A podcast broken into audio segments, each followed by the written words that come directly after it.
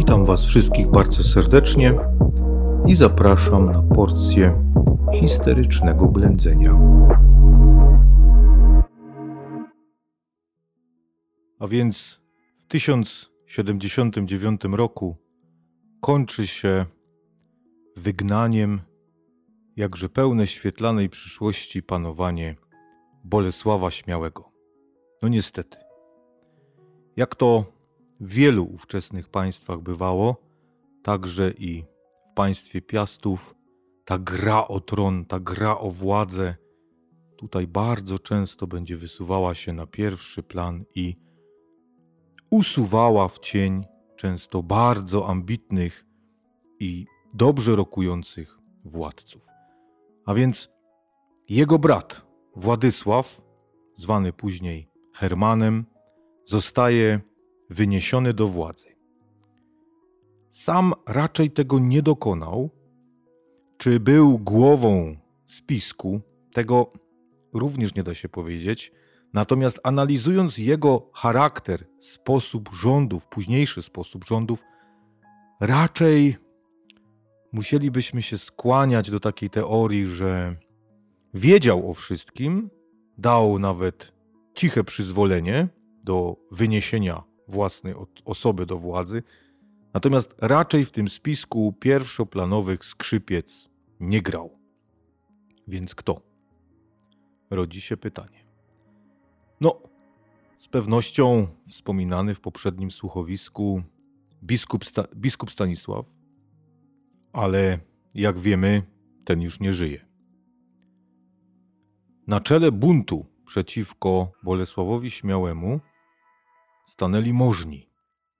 Oni domagali się tutaj coraz większej pozycji w państwie, chcieli wykorzystać sytuację, bo pamiętajmy, my powolutku w końcówce XI wieku będziemy w państwie piastowskim wkraczali w erę możnych.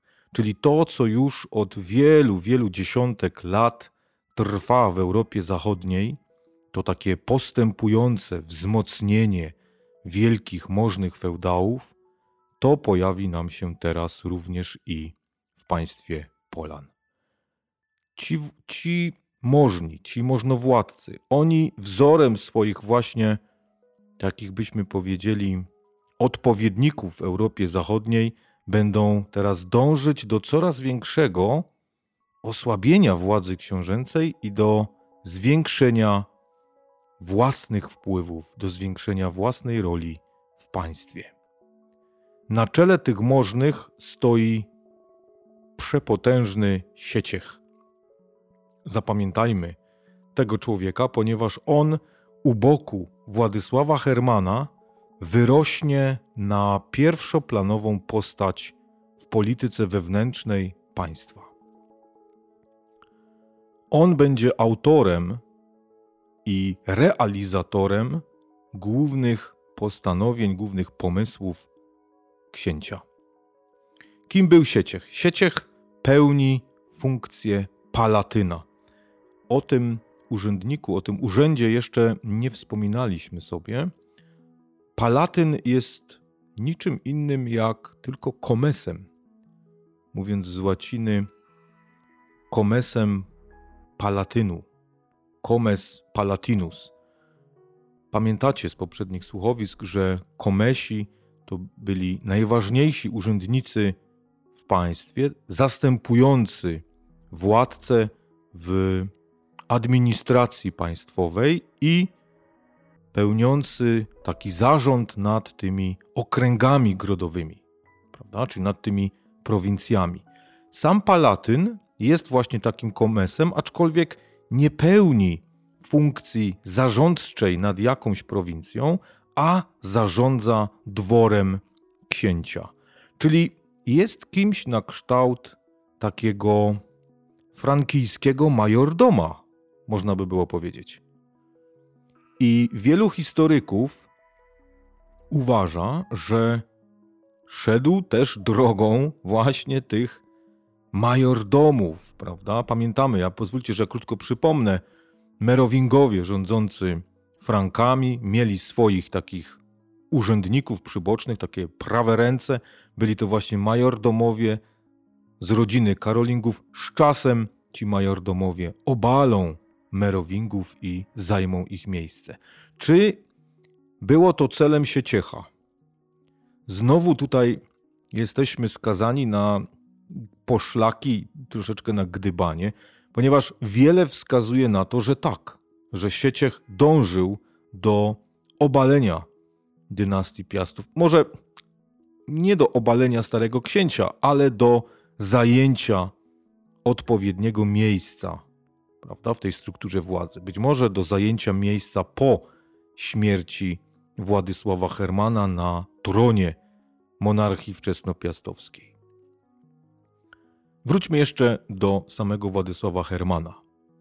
Zwykło się uważać w historiografii, że Sieciech w zasadzie owinął sobie wokół palca starego księcia, uzależnił niemalże od siebie starego księcia, ale równocześnie wiele również wskazuje na to, że staremu księciu to odpowiadało. Zresztą on wielokrotnie, jak się przekonacie, wspierał bardzo mocno Sieciecha, nawet w sytuacji, w której nie musiał już tego robić, w której Sieciech ledwo dyszał, Herman cały czas pozostawał wierny swojemu Palatynowi i dążył do ratowania go z wszelkich opresji. A więc tutaj jest dosyć taka bardzo niejasna ta relacja tych dwóch ludzi. Oczywiście z pewnością Sieciech uzależnił od siebie księcia, bo trudno na przykład byłoby tutaj wytłumaczyć fakt, że Sieciech bił własną monetę. Z pewnością wymusił to na księciu, prawda? To jest stricte prerogatywa tylko i wyłącznie książęca. Natomiast Sieciech w ciągu swoich rządów, swojej władzy będzie bił własną monetę. Bardzo mocno Sieciecha wspiera żona Władysława Hermana, Judyta Maria, która jest siostrą samego cesarza niemieckiego Henryka IV. Czy oczywiście nasuwa się tutaj znowu takie troszeczkę serialowy, taki serialowy wniosek, czy między Judytą Marią a Sieciechem było coś więcej aniżeli tylko wspólny interes? No, no nie wiemy. Nie wiemy, prawda? No gdyby kręcono serial, z całą pewnością mm, w scenariuszu pojawiłby się romans między tymi dwoma postaciami, aczkolwiek czy tak było w istocie, nie wiemy. Niestety nie wiemy. Dość powiedzieć, że ta trójca, czyli Władysław Herman, Judyta Maria i Sieciech, razem współdziałają. Pierwsze skrzypce z całą pewnością w tym trio odgrywa właśnie Palatyn Sieciech, bardzo mocno wspierany przez żonę Władysława Hermana. Sieciech dąży do wzmocnienia władzy księcia, lub by ktoś mógł powiedzieć, do wzmocnienia swojej władzy w przyszłości, czyli tych rozochoconych możnych buntem przeciwko Bolesławowi Śmiałemu Sieciech stara się teraz wziąć w karby i robi to w sposób bardzo brutalny, czyli konfiskaty majątków, odwoływania z urzędów, nawet zdarzały się, słuchajcie, uwięzienia i sprzedawanie w niewolę możnych gdzieś tam za granicę. Przy czym Władysław Herman nie reaguje na te właśnie praktyki Sieciecha. Jest to ewidentne wzmocnienie władzy księcia, aczkolwiek, no właśnie, księcia czy Sieciecha. Nie? Tutaj do końca możemy nie dać na to jednoznacznej odpowiedzi. Sytuacja komplikuje się jeszcze bardziej, kiedy Władysławowi Hermanowi rodzi się drugi syn, Bolesław, późniejszy Bolesław Krzywousty. I w tej sytuacji jest jeszcze starszy syn Władysława, Zbigniew. Również wraca do Polski syn Bolesława Śmiałego, Mieszko Bolesławiec, Bolesławowic, ewidentnie trzeba troszeczkę zmniejszyć, zdaniem księcia i Sieciecha, ilość ludzi, ilość pretendentów do tronu. Oczywiście robi się to w typowy dla ówczesnych czasów sposób, czyli bardzo brutalnie. Syn Bolesława Śmiałego, który powrócił w 1089 roku z Węgier, zostaje otruty. Wcześniej Zbigniewa wysyła się do klasztoru w Kwedlinburgu, pomimo że jest starszy, ale tu do końca nie wiemy, czy wiele by mogło sugerować, że właśnie Zbigniew był potomkiem Władysława Hermana z nieprawego łoża, ponieważ był starszy, a jednak do władzy, do dziedziczenia władzy przewidziano młodszego Bolesława. Opiekunem tego Bolesława staje się oczywiście nie kto inny, jak tylko Palatyn Sieciech. Co miał zamiar z nim zrobić? Czy, jak twierdził, chciał tylko doprowadzić do spokojnego przejęcia przez Bolesława władzy po śmierci starego księcia? Tego nie wiemy. Raczej charakter tego człowieka wskazywałby na to, że widział tu jakiś własny cel. Nie? Chciał wykorzystać to, że jest opiekunem małoletniego następcy tronu. W 1090 roku Sieciech staje na czele wyprawy wojskowej, wojennej wyprawy, która opanowuje Pomorze Gdańskie. Niestety nie na długo, ponieważ bardzo szybko dochodzi tam do buntu miejscowych elit i Pomorze Gdańskie znowu usamodzielnia się, odpada od państwa piastowskiego. Represje wobec możnych wzmagają się jeszcze bardziej. Możemy tu chyba śmiało powiedzieć o takim terrorze, prawda? Bo no, czymże jest sprzedawanie ludzi w niewolę, usuwanie z urzędów, wygnania itd., tak itd. Tak Możni mają tego wszystkiego dosyć. W 1093 roku dosłownie porwany, dosłownie porwany z tego klasztoru w Kwedlinburgu zostaje przez śląskich możnych Zbigniew. Śląscy możni wspierani przez Czechów, przez księcia Brzetysława II organizują bunt przeciwko Władysławowi Hermanowi, czyli panującemu księciu, przeciwko Palatynowi Sieciechowi. Tutaj sztandarem tego buntu ma być właśnie Zbigniew. Natomiast faktycznie pierwsze skrzypce gra wrocławski możny Magnus, komes grodowy Magnus. Czyli mamy bardzo wyraźnie polaryzującą się sytuację, bunt i początek wojny domowej. Z jednej strony śląscy i nie tylko śląscy możni pod przywództwem Magnusa, posiadający w swoich szeregach Zbigniewa, wspierani przez Czechów. Z drugiej strony mamy starego, prawowitego księcia, jego prawą rękę Sieciecha, oczywiście wszechwładną małżonkę księcia Judytę Marię, no i oczywiście tego małoletniego Bolesława, który jeszcze tam za wiele do powiedzenia nie ma, ale już to się niebawem zmieni. Rozpoczyna się wojna wojna domowa. Z powodu nielojalności węgierskich posiłków, można nawet powiedzieć zdrady tych węgierskich posiłków, które szły Hermanowi i Sieciechowi z pomocą, zwycięstwo w tej pierwszej fazie konfliktu przypada śląskim możnym pod wodzą Magnusa. Udaje się im zwyciężyć. Jaka jest, jakie są konsekwencje tego? No, no, no Węgrzy, którzy, no nie wiemy, czy ci Węgrzy dogadali się jakoś z Magnusem, ze Zbigniewem, czy też rozgrywali jeszcze jakąś swoją partię szachów tutaj na tym, na tym terenie. Tego do końca nie wiemy. Faktem jest, że Władysław Herman uznaje Zbigniewa jako swojego prawowitego dziedzica i przyznaje mu prawa do tronu. W tym czasie Sieciech i Bolesław są uwięzieni przez tychże Węgrów. Czyli u boku Władysława Hermana nie ma tego wszechwładnego Palatyna, jak i też nie ma jego syna, prawda? Jednego z synów. Czyli wielkie zwycięstwo Zbigniewa i zbuntowanych możnych. Jednakże po powrocie z niewoli węgierskiej Sieciech bardzo szybko, już w 1096 roku, organizuje wyprawę przeciwko Zbigniewowi, który czuje się już dosyć pewnie, obejmuje posiadanie część ziem państwa piastowskiego. Tu najprawdopodobniej Władysław Herman wydzielił mu jakąś tam dzielnicę, ale Sieciech postanawia utrącić w zarodku ten rodzący się rozpad państwa, to rodzące się zagrożenie dla jego pozycji. Rusza na Zbigniewa, Zbigniew ponosi klęskę i zostaje uwięziony. Ale no właśnie, słuchajcie, epoka możnych. Za możnymi, za buntującymi się możnymi bardzo mocno wstawia się Kościół.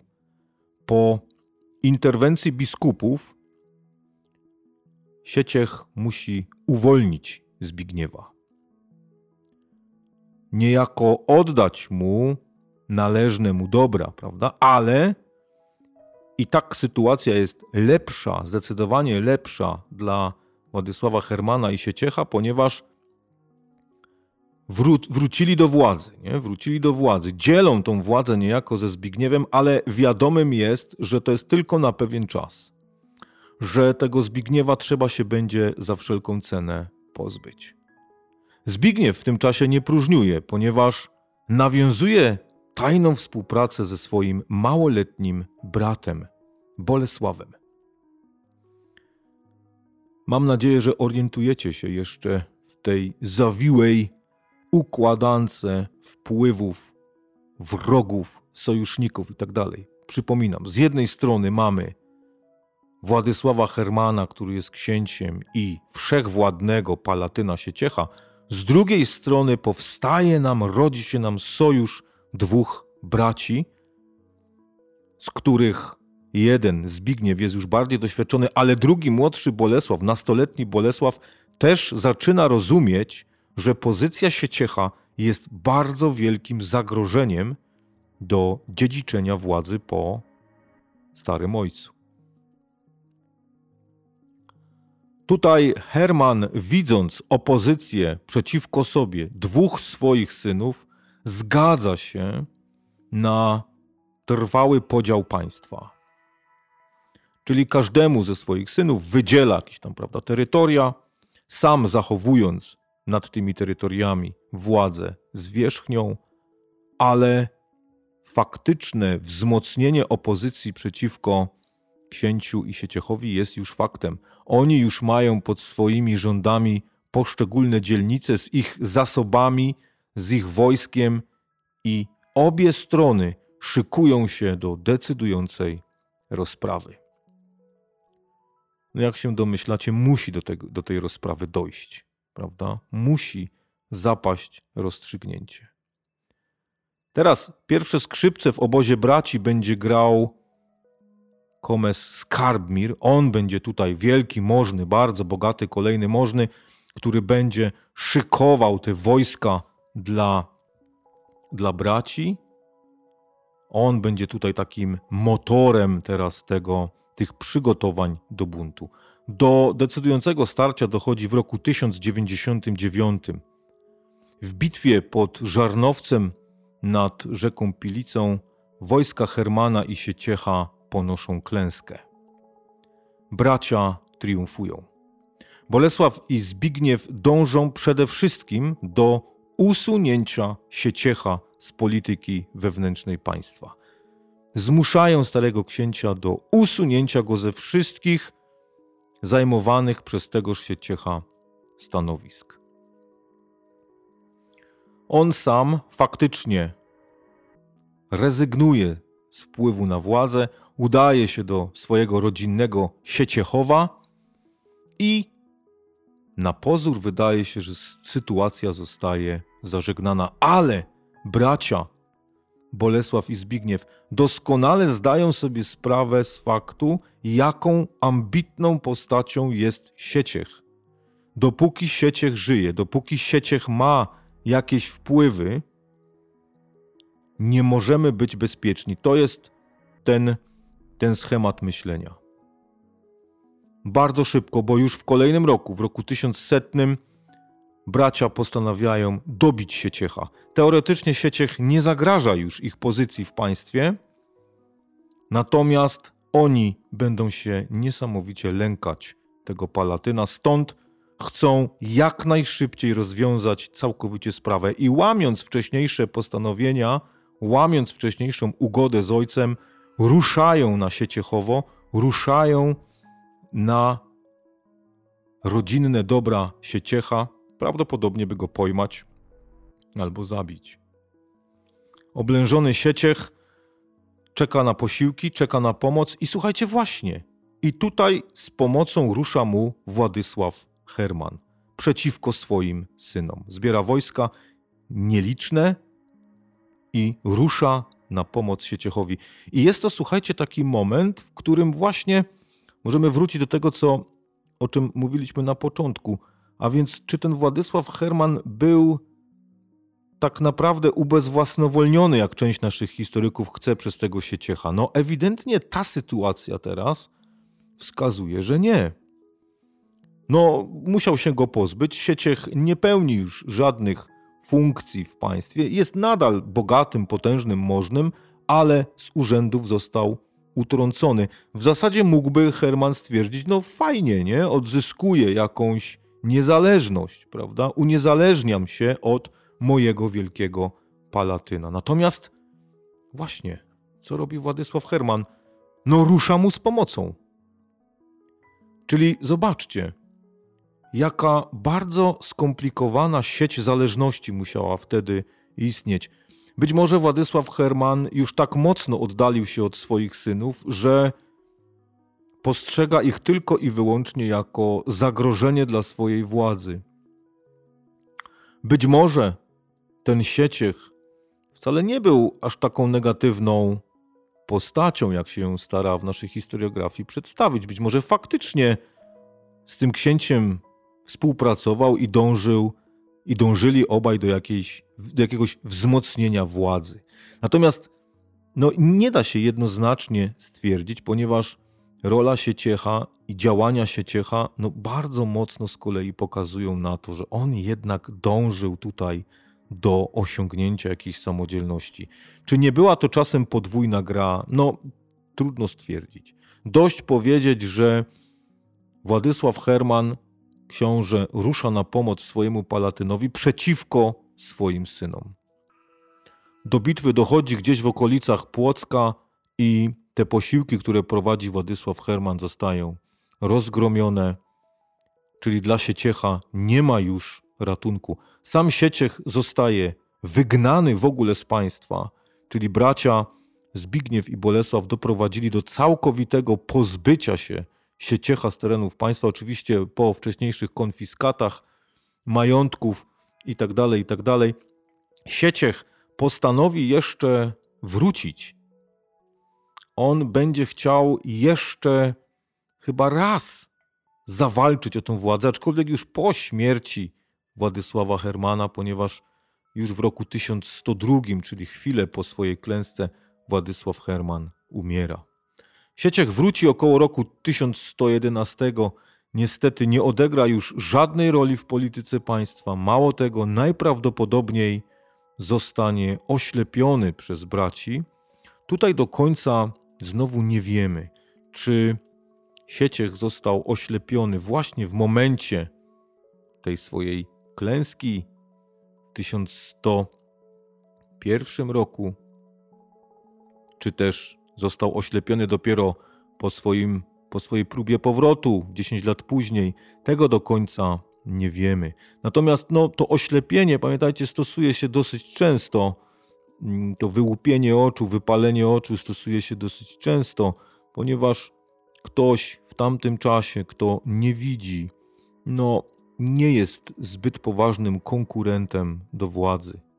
Taki władca, taki możny, nie jest w stanie dobrze sprawować władzy, nie jest w stanie wpływać dobrze na to, co dzieje się wokół niego.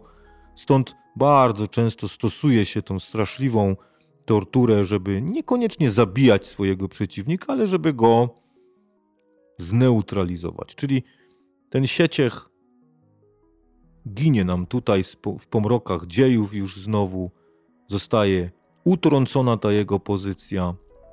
Władzę w państwie obejmują bracia, obejmuje Zbigniew i Bolesław. Oczywiście zanim umrze Władysław Herman, jego synowie wymuszają na nim nowy podział państwa, według którego młodszy Bolesław dostaje dobra południowe, czyli Śląsk, Małopolskę, natomiast Zbigniew dostaje pod swój zarząd Wielkopolskę, ziemię sieradzką, Kujawy. Na Mazowszu będzie jeszcze przez ten rok panował Władysław Herman, czyli synowie, bracia zostawili łaskawie ojcu jedną dzielnicę, by ten faktycznie mógł tam sprawować władzę. Po rychłej śmierci Władysława Hermana kontrolę nad tą dzielnicą obejmie Zbigniew.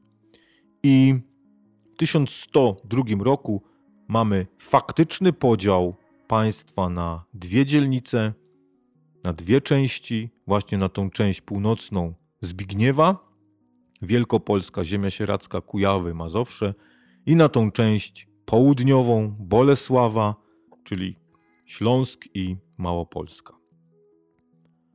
Oczywiście, jak wnikliwi słuchacze się z pewnością domyślają, taki stan nie będzie trwał długo, ponieważ gra o tron trwa. Nie? Walka o władzę trwa. Władza, jak ktoś kiedyś pięknie powiedział, to jest najcięższy z narkotyków. I dwaj bracia, póki mieli wspólnego wroga, wspólnych wrogów w postaci ojca i Palatyna Sieciecha, oczywiście współdziałali razem, ale teraz tego wroga zabraknie. Czy dwaj bracia, czy dwaj piastowie będą w stanie ze sobą współpracować? Będą w stanie szanować swoje własne prawa do tronów, które przecież obaj bardzo ciężko w toku wojen domowych wywalczyli.